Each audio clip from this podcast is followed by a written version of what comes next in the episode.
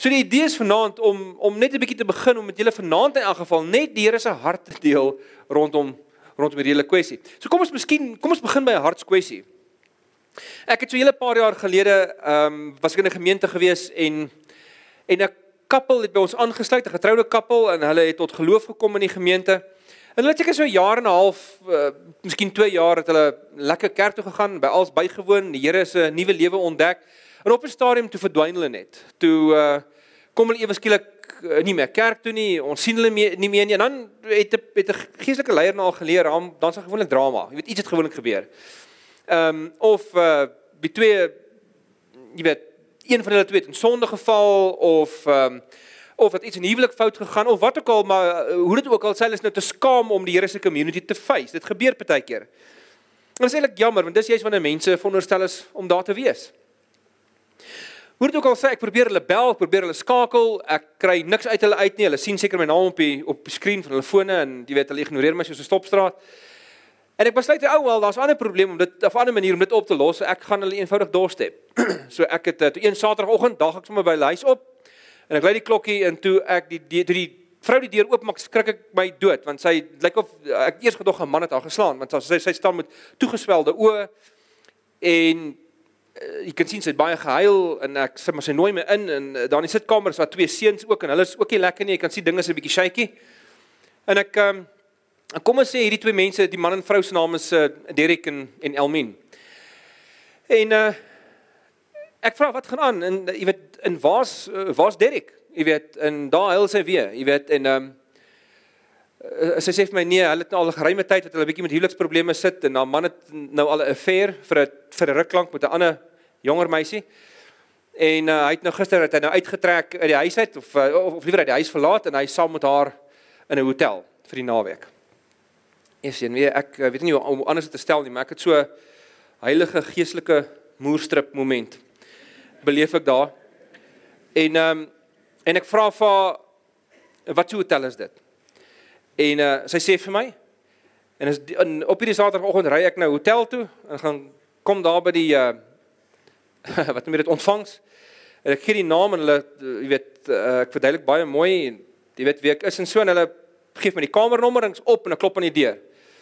Klop 'n paar keer geen antwoord nie. Gaan weer af na ontvangs toe vra vir hulle, hoorie tot wanneer is die ou ingeboek hierso? Uh, nee, sê hulle eers tot nog tot Sondag. So hy jy weet hy is nog vandag hierso. Hy seker net nie nou in sy kamer nie. En ek sê, "Oké, okay, dankie." En ek's weg in die aand, Saterdag aand, toe ek weer daar. En ek klop aan die deur. En Derek maak die deur oop. Maar ek dink dis so, ek dink hy het ooit daar verwag nie. Jy weet, want hy hy maak oop in sy benuwelde brein kan ek sien hy het 'n paar happe ingehaat, jy weet, en hy erken my nie heeltemal dadelik nie. Totdat dit vir hom dawn dat ek eintlik sy predikant is. En ek sê, "Fanny, oeps. Uh Kom ons sê sy naam is Fanny. Want dis sy naam. Ek sê ehm um, Ek sê vir hom, uh, "Waarmee vang jy aan? Waar waarmee is jy besig?" Ek sê vir hom, "Kan ek gou inkom?" Nee sê, nee nee, jy jy kan nie nou inkom nie. En ehm um, en ek uh, hoor toe iemand vroetel na in die kamer. Ek sê, "Weet jy in die kamer?" Ek sê vir ek weet wie hierso het, maar van die wie wat die Here het vir jou 'n hoër doel in gedagte as die gemors wat jy nou besig is om aan te jaag. Jy's veronderstel om jou goedjies te pak en terug te gaan na jou vrou toe en hierdie girl nou te los en ek sê hard genoeg dat sy dit kan hoor hier om die hoek. En hy hy sê nie maar jy weet ons moet later praat. Ek sê okay, weet jy wat, maar kom ons praat dit en kry klaar. Sien jy, hy wil praat net, kom ons gaan na 'n ander plek toe. Hy sê okay, wel as 'n spur daaronder uh, daar in die hotel, kom ons gaan soontoe. En ons gaan sit daar en 3 ure lank sit ek en ek probeer hom oortuig om terug te gaan na terug te gaan na sy vrou toe en om hierdie girl nou te los. En hier aan die einde van die 3 ure toe begin hy so half lus raak, like my weer om weer na sy vrou toe terug te gaan.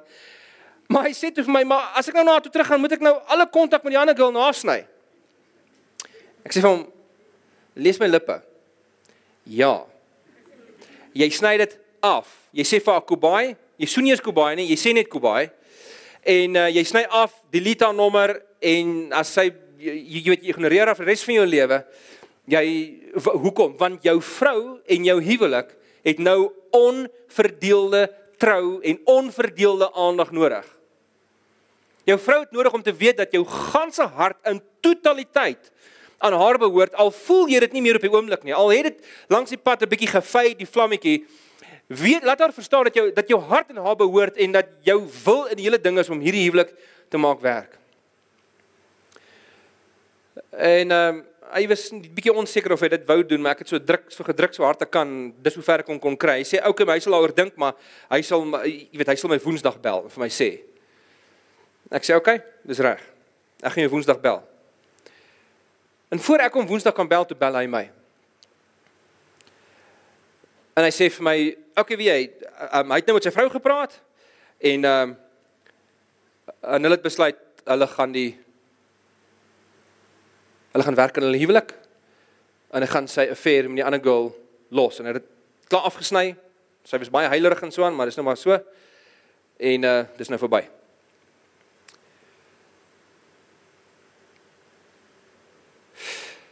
Nou daar's 'n daar's 'n van die Ou Testament af praat die Here met Israel. En hy gebruik die taal asof hy 'n liefdesverhouding met Israel is. En dat Israel gedurig affairs het met ander gode. Dat hulle gedurig affairs het met dinge wat hulle aandag aftrek van God of dat hulle harte nie in totaliteit regtig by die Here is nie. En as jy na die Nuwe Testament kyk, dan kom jy agter Jesus bring dit baie baie nader aan ons vel wat hierdie presiese skelmpie is wat ons deur die jare het wanneer ons veronderstel is om die Here ten volle te dien het ons 'n affair met 'n ander ding, 'n een spesifieke ding, die ding wat ons net oor gepraat het. Dis geld. Jesus praat meer oor geld as oor enigiets anders. Hy praat uh, meer as 50% van sy gelykenisse gaan oor geld. Hy praat meer oor geld as wat hy praat oor gebed of geloof of hemel en hel saam. Soos asof hy gedink het dat geld nogal 'n redelike impak op ons as mense het. En 'n verband hiermee is daar uh, gaan ek vanaand vir julle die eenvoudigste mees basiese 3 verse lees wat Jesus oor geld vir ons gegee het. Matteus 6 dan gee hy so 'n paar, hy gee 'n hele paar verse, jy glo nog nie opsit nie, Malan. Hy gee vir ons so 'n paar 'n paar dele. Ek wil net vir hierdie drie verse lees en dis so eenvoudig. Julle ken die gedeelte baie goed en uh, die res van die uh, hy praat vreeslik baie natuurlik daaroor in die res van die Nuwe Testament of die res van die evangelies, maar net hier in Matteus 6 gee hierdie drie verse. Kom ons lees dit saam en dan gaan ons 'n paar refleksies dalk daaroor doen en hopelik kan ons 'n paar opmerkings maak wat wat kan help. Um Jesus sê moenie veel skatte op aarde bymekaar maak wat mot en roes dit verniel of wat diewe inbreek en dit steel nie. Maak vir julle skatte in die hemel bymekaar waar mot en roes dit nie verniel nie en waar diewe nie inbreek en dit steel nie. Waar jou skat is, daar sal jou hart ook wees. Net daai paar verse. Daar waar jou skat is, is die opsomming. Is waar jou skat is, daar sal jou hart ook wees. So, uit hierdie teks uit wil ek net praat oor drie dinge. Jesus het uh 'n paar goedie gesê en hy gee basies in die eerste plek gee hy 'n waarskuwing, tweedens gee hy 'n uh 'n oplossing en derdens gee hy 'n toets. Eers 'n waarskuwing, dan 'n oplossing, dan 'n toets. So heel eers die waarskuwing. Dit is nie eenvoudig waar hy sê moenie vir julle skatte bymekaar maak um hier op aarde waar mot en roes dit kan verniel waar in waar diewe kan inbreek en dit steel nie. Met ander woorde, Jesus probeer vir ons sê dat daar 'n tydelikheid is, dat dit daar 'n tydelikheid verbonde is aan geld. As jy eenvoudig net um jouself hieraan steur, dan dan maak jy swak belegging. Hy sê vir mense as ware, dis nie omgee dat jy dat, dat jy dis nie dat ek omgee dat jy belegging maak nie. Dat jy invest in iets wat jy later iets kan terugkry nie. Maar hy sê hierdie is 'n swak belegging. As jy eenvoudig jou lewe insit en geld is alwaarop jy fokus en dit is die belangrikste, dis jou lewensdoel, dis jou eerste doel op aarde is om vir jouself geld te maak dan mis jy die punt. Jy gaan jy moet versigtig wees. Jy gaan 'n jy gaan 'n affair ontwikkel langs die pad. Met met geld. Geld is 'n tydelike ding in die eerste plek. Daar's 'n paar dinge wat hy sê ons moet dan kyk as dit by geld kom. Ek onthou toe ek jonk was, het ons gesin altyd baie daarvan gehou om Monopoly te speel. En ehm um, uh, eintlik frankly as ek nou daaraan terugdink, was dit eintlik net ek wat daarvan gehou het om Monopoly te speel. Want niemand wou teen my speel nie. Want ek het altyd gesorg dat ek wen. En uh as ek Monopoly gespeel het, het, het ek so 'n bietjie vergeet dat ek 'n Christen is. En uh, ek het dit gespeel met die aggressie van 'n verbitterde Rottweiler. En op 'n stadium, jy weet, uh as julle nou die hele ding onthou, die van julle wat dit nog nie gespeel het nie, Get a Life en en begin speel. Is jy weet, as ek het twee daai twee donkerblou strate, het Elofstraat en Jan Smuts. Dan as ek op my happieste en ek probeer so gou as moontlik hotelle daar opsit. En net langs hulle is daai drie groen strate waarvan De Villiers straat ene was. Ek kan nie die ander twee name onthou nie. Maar ek wil so gou as moontlik daar hotelle en goed opsit en weet die persoon wat in daai laan beland, jy sal betaal tot die wederkoms. En en ek het ek ek het hierdie game gelief, maar wat ek wat my frustreer het van hierdie game is net wanneer ek lekker al my hotelle op het en almal is broke en ek het al die geld, dan wil niemand meer speel nie. En dan sê ek maar ek, hierdie game is so exciting, dit het net exciting geword. Hoekom wil jy nou ophou? Maar nou almal op speel en dan gaan al die geld wat ek gemaak het en al die hotelletjies word net so afgevee van die bord af en word in 'n boks gegooi. Damn. En dan moet ek van voor af begin volgende keer. En dis frustrasie volgende keer en wen iemand anders. En dan wil ek nie meer speel nie. Maar enigste hoor ek John Ortberg praat oor Monopoly en die penny drop by my en ek besef my maggies weet wat daar's niks wat ek tans besit. Niks wat nie eendag terug gaan boks toe nie. Niks gaan bly nie. Alles gaan boks toe en die persone wat na my kom, miskien is dit my kinders, miskien is dit iemand anders wat my energie vat of dit het ek bymekaar gemaak het en hy vat daai resources op 'n manier en en hy of sy begin van voor af en hulle bou hulle eie lewe daarmee. En dis Jesus se punt. Dink gou vir 'n oomblik alles wat jy besit, tans, alles wat jy besit is in 'n staat van agteruitgang. Jou kar is besig om in waarde te val. Ehm um, Hoe langer jy 'n huis het, hoe meer maintenance moet jy op hom doen. As jy jou klere koop, begin dit dadelik agteruit gaan en verweer. Dit hou dan 'n ruk, maar ek bedoel alles gaan agteruit. As jy nie regtig glo nie, ry verby 'n skrootwerf of 'n scrapyard en en en, en kyk na al die karwrakke wat daar staan en sê vir jouself, wie elkeen van hierdie wrakke wat hier staan was op 'n stadium iemand se droom. Iemand se droombesitting, iemand se ding waarna hy of sy gestreef het. En nou staan dit hier langs die pad. En dit vrot. So Jesus se woorde is waar. Drome verrot later as as jou droom gaan oor jou besittings, dan is dit eenvoudig iets wat uiteindelik nie lank sal wer sal werk nie. En net 'n paar verse verder in Matteus 6 wat wat ons nog nie vanaand gelees het nie, dan noem Jesus geld mammon. Dit sê jy, jy kan nie uh, God en mammon dien nie. Wat beteken dit en wat hoekom sê dit so en wat beteken die, die woord mammon? Mammon was die Arameese geldgees. Die gees wat die die die afgod wat mense aanbid het wanneer hulle baie geld wou maak. So dit is 'n tipe van 'n demoon gewees wat wat ehm um, so so die mense geglo natuurlik in daai dae. En hoekom gee Jesus in hierdie opsig aan geld 'n demoniese konnotasie? Nou dis belangrik om dit te verstaan. Dis duidelik eh, in die Ou en Nuwe Testament dat daar nie iets fout is met geld op sigself nie. Geld is neutraal. Geld is soos 'n enige stuk gereedskap wat jy gebruik soos 'n kitaar of 'n stand of 'n spitvurk of 'n weet of wat ook al. Maar Jesus vergelyk geld in hierdie opsig met demoniese magte want nie op grond van die feit dat geld foutief is nie, maar omdat die menslike hart so verknog is daaraan het dit 'n byna demoniese en ek sê byna maar dit kan letterlik 'n demoniese impak ook op jou hê. Met ander woorde daarom moet ons uiters versigtig wees en daarom lees 'n bietjie die Nuwe Testament. Jesus waarsku meer oor geld as wat hy positief is oor geld. Hy sê negatief oor geld, nie? Geld is goed wat van die Here af kan kom, maar geld is ook iets wat 'n mens kan bymekaar maak as gevolg van seën van die Here, of jy kan dit in die Here se naam bymekaar maak, maar jy leef eintlik 'n ongeregtige lewe en jy vertrap en onderdruk ander mense en dis hoe jy geld bymekaar maak en bid jy en sê o Here, dankie, U seën my. So die Here gee hier 'n baie belangrike waarskuwing en waarskuwings is belangrik want jy waarsku altyd mense vir wie jy omgee. Jy waarsku altyd jou kinders, vir jou pa of jou ma of jou man of jou vrou. Want dis wat liefde doen. So Jesus noem dit mammon in hierdie opsig want geld wil ons besit. Geld wil ons denke oorneem. Geld wil 'n affair hê met ons. Geld wil ons verlei. Dit wil ons hart steel. Geld lyk my is die een ding wat die menslike hart nie kan weerstaan nie. En daarom is dit interessant as jy na die Ou Testament kyk, dan sien jy nogal iets van die hart van die Here in die Ou Testament as dit kom hierby. Hoor 'n bietjie wat gebeur in Deuteronomium 8. Dis nou net voor, hulle is nou hier op die berg Moab, nog aan hierdie kant van die Jordaan. Hier is nou Israel.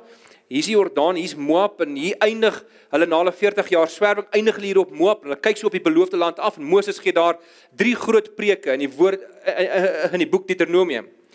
En hier is deel van die Here se wet wat hy vir hulle gee. Hy sê die volgende: Jy moet die gebooie van die Here jou God gehoorsaam en sy wil doen. Jy moet hom dien want hy sal jou in 'n goeie land bring, 'n land met waterstrome, met fonteine, met riviere wat in valleie en berge ontspring, 'n land met koring en gars en wingerde, vrye bome en granate, 'n land met volop olyfolie en heuning. 'n Land sonder armoede waarin jy genoeg sal eet en niks sal kort kom nie, 'n land waar daar volop yster in die klippe is en waar jy kan koper delf in die berge. So hoor aan die een kant die Here se hart dat hy regtig vir die mense die beste wil gee, dat hy graag mense finansiëel wil seën. Maar hoor wat sê hy net 'n paar verse verder, eintlik net twee verse verder. Hier sê die Here: "Sorg dat jy nie die Here jou God vergeet deur dat jy nie gehoorsaam is aan die gebooie en die bepalinge en voorskrifte wat ek jou vandag gee nie." As jy nie gehoorsaam is nie, dan kan dit gebeur dat jy genoeg eet en mooi huise bou en rustig woon. Dat jou groot vee en jou klein vee baie word, dat jou silwer en goud vermeerder en jou besittings al hoe meer word en dat jy dan hoogmoedig word en die Here jou God vergeet wat jou uit Egipte uit die plek van slawerny bevry het. Maar jy moet nie die Here jou God vergeet nie, nog 'n vers verder want dit is hy wat jou die krag gee om die rykdom te verwerf. So so hou hy die verbond in stand wat hy met 'n eed aan jou voorvader beloof het, aan die voorvaders beloof het. So is dit nou nog. En in Deuteronomium 32 is daar so een versie daar jy daar praat die Here oor iemand baie spesifieks. Iemand met die naam van Jesuroen. Hy sê Jesuroen het alles in oorvloed gehad. Hy het in opstand gekom. Hy het oorvloed, ekskuus, jy het oorvloed gehad. Jy het dom geword. Jy het jou ooreet. Jy het God wat hom gemaak het verwerp. Ekskuus, hy het God wat hom gemaak het verwerp. Hy was vermetel teen die rots wat hom gered het. Geld is powerful. En die Here sê, "Wie wat ek ek wil jou so graag bless, maar ek weet as dit te goed gaan met jou, dan weet ek wat gaan gebeur. Jou binneste gaan verrot raak. Geld gaan jou alles word. Dit gaan jou in besit neem. Dit gaan jou oorneem. Jy dit gaan jou in die tronk sodat jy 'n prison break nodig het. Dit gaan jou gevange hou. Geld gaan 'n affair met jou begin. En die liefde tussen my en jou sê die Here gaan verlore raak. Geld is powerful om geld te bekom, sal ons onsself baie keer oorwerk. Ons sal ons eie eie waardes buig of ignoreer. Ons sal ons gewetens verloon, skuld maak, steel, jok. Mense met disrespek hanteer, ander mense weer, uh, weet, vlei en wit voetjies soek as dit ons meer geld kan bekom op een of ander manier. Ehm um, ons sal huwelike afskeep, kinders verwaarloos, belasting ontduik, die natuur vernietig, woude uitroei, mense vermoor. Geld is powerful en dis waarom Jesus waarsku. Moenie dit jou lewensmissie maak om baie geld te maak nie. Maar nou, maar wat is die oplossing? Moet ons almal nou arm wees? En dit is wat die Here sê. Die Here sê nêrens uh, dis die goeie nuus van sy siening oor geld. Nee, die, Jesus sê nêrens dat dit verkeerd is om geld te hê nie. Of dat dit verkeerd is om selfs baie geld te hê nie. Dis wat jou doel is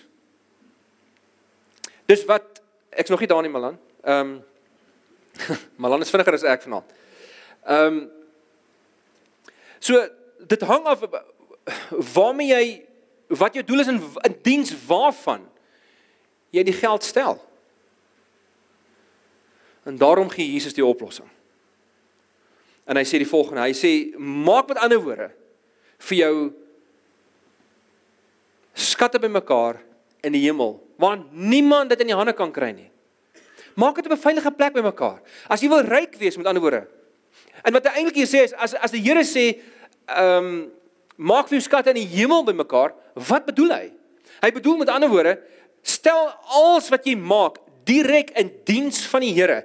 Gee dit vir die Here terug. Met ander woorde wat hy sê is wees vrygewig. Gebruik jou geld, gebruik jou energie primêr om die Here se werk gedoen te kry. Gebruik dit heel eerstens in diens van die Here. Dit is 'n veilige, veilige belegging en dit is baie interessant. In die in die gereformeerde tradisie het ons groot geword met die idee van sonde, verlossing, dankbaarheid. En uh, ons het ook mekaar so geleer dat jy weet gee vir die Here jou dankoffer of of wees vrygewig uit dankbaarheid. Nou natuurlik moet ons uit dankbaarheid gee, maar dit is interessant dat Jesus nooit dankbaarheid gebruik as 'n motief om vrygewig te wees nie. Hy sê eerder vir mense nee, weet jy hoekom moet jy gee? Want jy gaan ryk word wanneer jy gee. En dis presies die afgelope paar weke het ons 'n reeks gehad oor slegte gewoontes van Jesus, waar ons eintlik vir mekaar gesê het, Jesus leer vir ons hoe die wêreld eintlik werk. Ons as jy wil opgaan, moet jy afgaan. As jy wil invloedryk raak, moet jy die mense dien. As jy magtig wil wees, moet jy jou mag weggee. En as jy wil ryk wees, moet jou hart nie verknog wees aan geld nie. En natuurlik het Jesus hier 'n wyeer definisie van rykdom as wat ek en jy in gedagte het wat uiteraard geld insluit, maar is meer as dit.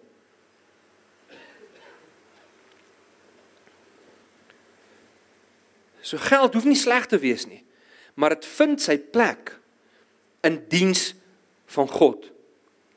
En ek ek bedoel ek ken party mense, sakemanne. Hulle is toegewyde kinders van die Here en hulle sê dit nie net nie, ek ken hulle. Ek ken hulle lewenswyse. Van hulle was hulle 'n paar keer bankrot, want dis wat met entrepreneurs gebeur. Ek weet nie of jy weet nie, die gemiddelde suksesvolle entrepreneur is 3 keer in sy lewe bankrot. Dis op op 'n vlak van gemiddeldheid. Dis hoekom baie mense liewer vir 'n corporate firma werk en hulle het 'n vaste salaris is kleiner, maar hulle het ten minste 'n bietjie um, sekuriteit. Entrepreneurs se koppe werk anders. Maar oulike mense wat baie geld maak, en ek sê vir jou, hulle doel is, hulle werk hard om baie geld te maak. Hulle skep nie hulle verhoudings af nie. Hulle kyk na hulle vrou, hulle kyk na hulle kinders of na hulle mans. Maar hulle werk baie hard sodat hulle meer en meer en meer en meer kan gee vir die Here se koninkryk. As party ouens wat ek ken wat sulke hoë inkomste het, hulle leef op 50% en hulle gee 50% weg. Dis wat die Here bedoel. Dis 'n baie veiliger belegging. Daar so op hierdie manier gaar jy vir jou geld op in die hemel. Jy gooi dit in die stock exchange wat kan jy weet wat kan crash of jy of jy of die of die ehm um, uh eiendomsmark wat weet wat gekrash het byvoorbeeld in 2008 weet, of wat ook al nie.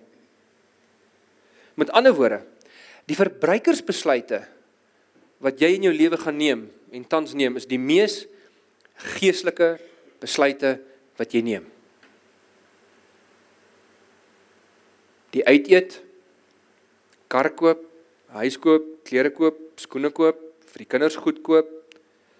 Alles wat jy koop is geestelike besluite. En die Here se evangelie, die kruisdood is bevrydend. So die Here wil ons nie op 'n guilt trip sit nie. Skuldgevoelens help niemand. Dit bevry niemand. Ehm, um, maar moenie onsensitief teenoor jou gewete wees nie. Want soms as jy skuldig voel, as jy miskien is dit dalk die Heilige Gees wat jy kan wek. So vir baie mense beteken dit, "Heng, ek moet baie meer noukeurig beplan. Ek moet baie minder uitgawes hê." Ander mense uh, beteken dit ek moet dalk my kredietkaart op opknip want dit uh jy weet veroorsaak my te veel skuld. Daar's dit dis nou 'n plastic surgery wat jy maar kan doen. Knip jou kaartjies op.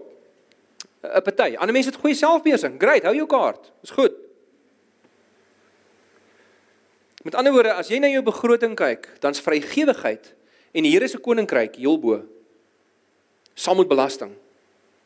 Vrygewigheid is 'n ononderhandelbaar soos belasting. In die Nuwe Testament, jy kan gaan kyk.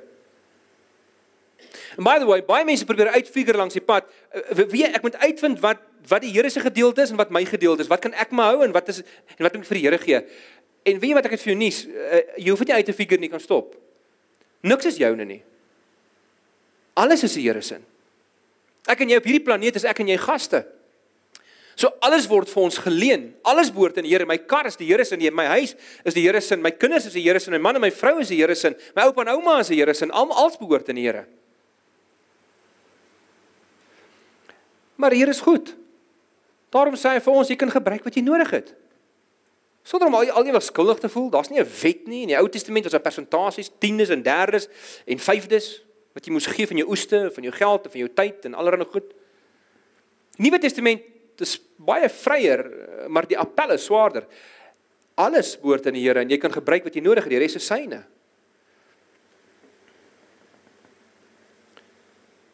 Maar hierdie is 'n liefdesding. Onthou waarmee ons besig is. Ons het gesê ons praat vanaand oor die hart van die Here wat agter hierdie goed sit. Hy's lief vir ons.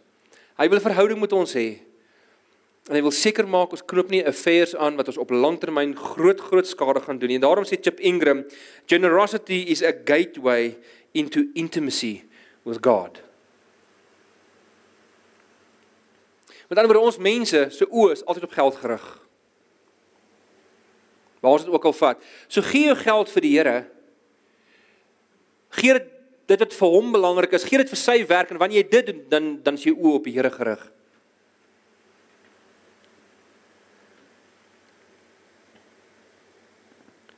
So, Marul, wat maak ons dan wanneer tye moeilik gaan? Wanneer wat doen ons in 'n ekonomiese krisis? In 'n ekonomiese krisis, dan maak jy jou uitgawes 'n bietjie minder en jy kan jou vrygewigheidsgedeelte ook 'n bietjie minder maak, maar jy hou dit daar. Ek was baie baie gechallenged toe ons Pretoria toe getrek het. En uh, ek het 'n kerk geplant en ek het vir die eerste 6 maande in Pretoria het ek geen vaste inkomste gehad nie. Nie 'n sent nie. Ek het hier en daar gekry, jy weet, soos vir die Here vrou gesorg het, maar ek het geen vaste inkomste gehad nie. En ek het my vrou 'n deal gemaak, selfs sonder 'n vaste inkomste, het ons konstant vir hy 6 maande besluit om 'n tiende te gee. Nou tiende is nie 'n wet nie, dis net wat ons besluit het. Ek het nooit met dankoffer gestop nie. Want dis hoe geloof werk, jy vertrou die Here. So dit dit, dit bring ons by die by die laaste puntjie, die harttoets. En dit is hier waar Jesus sê, En daar waar jou skat is, daar sal jou hart ook wees. Met ander woorde, dis asof die Here sê, "Wie wil jy graag toets? Wil jy graag jou hart toets of jy materialis is en of jy 'n affair met geld het? Wil jy graag jou hart toets? Wat se toestand hy is? Hoe naai aan die Here is in terme van hierdie goeters? Jesus maak dit uh, um, eintlik irriterend eenvoudig.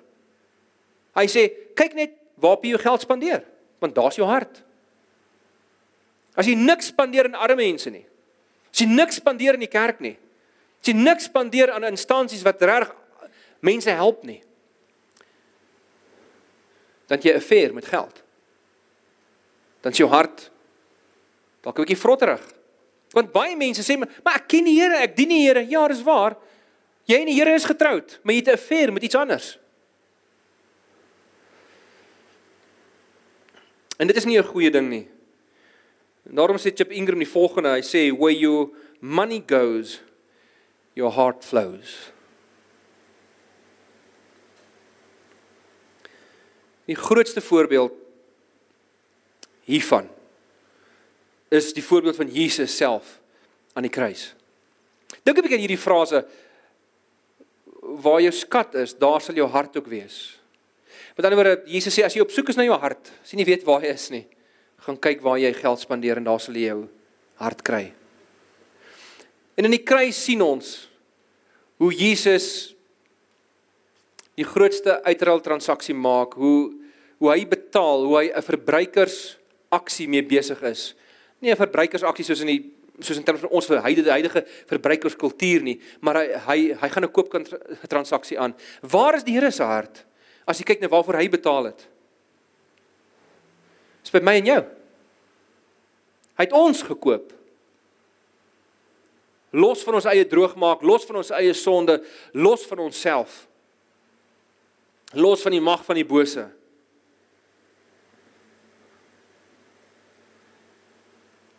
Ons is sy skat. Dis waarom sy hart by ons is.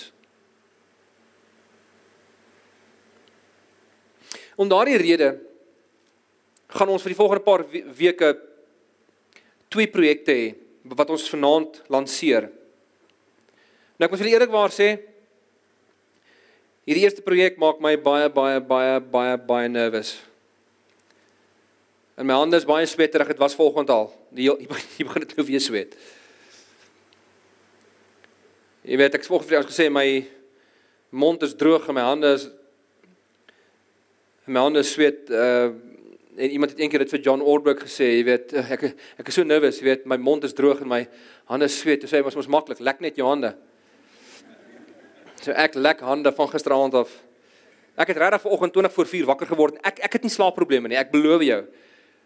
Hierdie maak my uiters senuweeagtig. Maar as 'n geloofsrisiko wat ons as leierskap wil neem as dit kom by finansies om net daarmee te illustreer dat ons nie dat ons dat ons hart nie by geld is nie en dat ons nie dat ons nie graag in hierdie eredienste net eenvoudig wil klem lê op geld nie en daarom gaan ons van nou af in die eredienste geen eredienskollekte meer opneem nie. Nou ons gaan dit vir 'n paar redes nie doen nie. Die grootste rede is dat ons wil nie hê dit moet sommer net vir jou weet 'n by the way ding wees. O God se weet, dis maar nou 'n tradisie. Ons neem dit in die kerk op en ek het nie eintlik geld nie en o heng, jy weet ek nog dog nog ons sulke jy weet ons sing 'n liedjie, weet nou moet ek grawe vir my geld, jy weet en so al vir jy gooi dit maar in en weet hoop vir die beste. Ehm um, ons wil graag hê jou gee moet vir jou sinvol wees. Ons wil graag hê dat jy dat jy eerder verantwoordelikheid sal vat daarvoor en en um, en hier's wat ons vir jou vra. Die rede hoekom hierdie 'n groot risiko is vir ons is dat 12.8% van ons totale inkomste kom van eredienskollekte af. En die groot gemors is, julle was so nice in Januarie dat ons in Januarie die hoogste ereddiensinkomste gehad. Maar ons voel dis die regte besluit. Ons het lankie oor gebid, ek en my kollegas, die leierskap bid weke hieroor, ons dit hierdie besluit saam geneem. So, omtrent 120 000 rand 'n maand kom met Eerdens kollekte. So ons wil vir julle die volgende vra. Relax, ons gaan nie vir meer geld vra nie. Al wat ons vra is dit. Gaan dink 'n bietjie, gaan bereken 'n bietjie wat jy elke maand in die mandjie gooi in die erediens. En doen ons net die guns bereken dit en sit daai bedrag net by jou huidige gewone kerkdankoffer en, en doen 'n EFT, ek bedoel Scaps um, SnapScan kan jy nog steeds doen. Ehm um, en al daai goed, al jou die, die manier wat jy graag wil doen. Maar ons wil jou vra hou dit net asseblief in gedagte en asseblief hierdie is berekeningkies wat jy hierdie week nog moet doen. Want as ek volgende maand as jy hier kom en ek's nie hier nie, dan moet hulle weet hulle die idiot gefire wat hierdie boodskap hier gelewer het vanaand. Want toe was daar nou nie geld nie. So hierdie het geweldige implikasie. Ons doen dit nie blasey nie. Dit dis hoekom my hande sweet. So ek wil vir julle vra, werk asseblief saam en ons wil graag hê dat um, mense wat van buitekant af kom, ons wil graag mense nooi en, en daar's baie besoekers deesdae oggend en aand wat deesdae bywoon. Mense som sommige wat die Here nie ken nie, mense wat ver van die Here af is en ons weet veral dat die kultuur beleef kerke baie negatief as dit kom by geld. En ons wil nie vir daai mense aanstoot wees nie. Ons wil hulle kan laat uh, ons wil hulle graag verwelkom. Ons wil hulle ontvang. So ons wil vir julle vra om wat julle eie finansies betref intentioneel te wees in jou vrygewigheid. En dat jy asseblief sal tyd neem, jy met die Here, dat jy in die Here sal gaan sit. En dat jy dat jy voor jou rekenaar sal gaan sit, dat jy die budget sal doen, dat jy daai geldjies wat jy anyway ingooi, net asseblief vir ons elektronies oorbetaal. Ons gaan in die gesins die gesinsbediening in die oggend gaan ons steeds egter aan om vir die kinders te laat kollekte opneem. Dis nie ons ons kry nie vreeslik baie daar uit nie, maar die idee is daar opvoedkundig. Ons glo ons wil graag hê dat hulle moet steeds leer van kleins af dat vrygewigheid 'n baie belangrike ding is en dat ook hulle hulle geld moet gebruik in diens van die Here. Ek wil daar's baie van julle jong mense vanaand wat hier sit. Miskien kan jy nog altyd met pa en ma sakgeld en miskien het jy nog nooit daaraan gedink nie dat dat jy, jy kan jou sakgeld actually gebruik vir die Here se werk ook. My kinders van kleins af geleer dat hulle 'n gedeelte van hulle sakgeld moet gebruik vir ander mense. vir die Here se werk. Maar as 'n tweede as 'n tweede projek wat ons gaan launch en die hierdie projek maak my net so opgewonde soos die eerste een. Trouwens, hy maak my meer opgewonde as die eerste een. En dit is dat ons wil graag hê ons as gesinne, ons moet 'n bietjie huis toe gaan en 'n bietjie gaan dink. Ons wil graag net 'n bietjie kyk na 'n projek en uh, kom ons kyk saam na alles wat ons by die huis het dinge dalk ons klerekas, dalk ons skoene rak, dalk ons ehm um, uh speelgoed uh van klein kindertjies dalk nou of wat ook al wat ons nie meer so baie gebruik nie. Dit ons het oor die volgende 2 weke dat ons dit kerk toe bring. En dat ons hierdie gaan gebruik vir mense wat dit regtig nodig het en dit vir hulle gaan gee. So alles wat jy wat jy nie meer nodig het nie, bring dit, maar dan jy moet een ding bring wat jy nie wil bring nie. Iets wat jy baie lief is vir. Iets wat jy nie eintlik wil weggee nie. Miskien is dit iets wat jy onlangs gekoop het en jy wou dit vir jare graag hê. Bring dit want dit jou offer moet uit die hart uitkom. Ons kan nie net altyd ou goed vir ander mense gee nie. Partykeer moet hulle moet ons vir hulle ons nuwe goed gee. Ja, ek onthou ek was ek was voorheen kwaad vir my vir my kollegas daar in Rymse gemeente. Ek kom net van Amerika af. Ek het lank gespaar vir 'n oordentlike leather jacket, 'n baie spesifieke een wat ek gesoek het. En ek het hom in Amerika uiteindelik gekry en ek koop hom toe teen 'n merske prys en ons kom terug en daai Sondag toe maak my kollega so 'n appel. Ek was nou vir 3, 4 weke weg, so hy het die weet as hy weet uh, kat weg is as die meisbaas en hulle het 'n nuwe ding begin en hy hy maak toe daai week ma, maak hy appel op die gemeente en hy sê dieselfde ding. Hy sê bring dit wat vir jou regtig belangrik is. Dit wat jy dalk nou nie gekoop het en ek dink, "Wat? My leerbaadjie." Ek het my leerbaadjie daar aangebring. Asof dit heilig is. En hom versigtig neergelê en gedink, "Damn." En uh, ek het daar oorgekom met 'n bietjie terapie. Maar ek het dit survive. So ons wil vir julle vra, deur die loop van die volgende 2 weke, dat julle allerlei goedes bring. En bring dit sommer hiernatoe. Ons gaan dit hier op die verhoog. Jy kan volgende week dit sommer hier op die verhoog kom neersit of hier iewers. Ehm um, ons gaan nou lekker groot hoop daarvan maak soos wat opbou. En dan die natuurlik moet ek by sê, die oggenddiens van die derde gaan ons 'n groot gesinsdiens hê en daar gaan ons als met daai goeders gaan ons 'n lekker groot ding met die kinders maak. En uh ons gaan uh, daai aand gaan Anton ook 'n ding hierso met julle doen. Uh met met met al die goed wat ons gebring het. Nou jy kan dit kerk toe bring volgende Sondag of selfs nog op die 3de of jy kan dit by die kantoor by die kerkkantoor kom aflaai die deur die loop van die week. Ons sal dit Sondag dan bring. Maar gaan dink so 'n bietjie. En kry jou hart in lyn met die Here se hartklop. En wees lief vir hom, maak seker jou skat is by hom want dan sal jou hart ook by hom wees.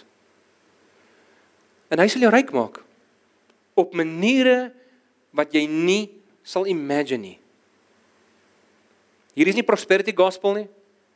Beteken nie gaan môre Ferrari ry nie. Dit beteken die Here gaan jou die diepte van rykdom leer. Incredible. So Derek en Elmin, weet julle toe nou, het by mekaar gebly?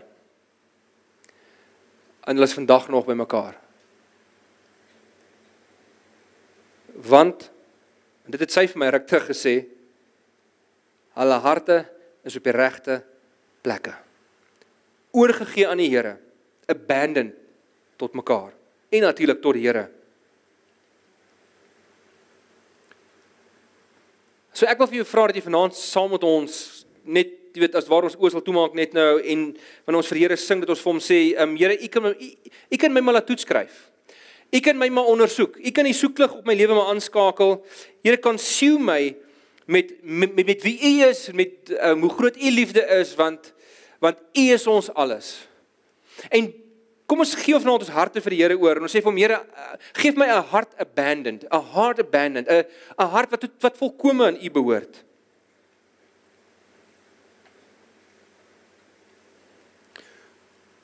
sodat ons uiteindelik ryk kan wees en sodat ons affairs kan vermy.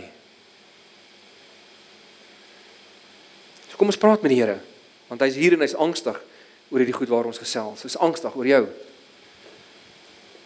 Ons Vader. Here, dankie dat U bo alles goed is. Dat U ons dat U agter ons harte aan is, Here, en dat U ons harte wil verower.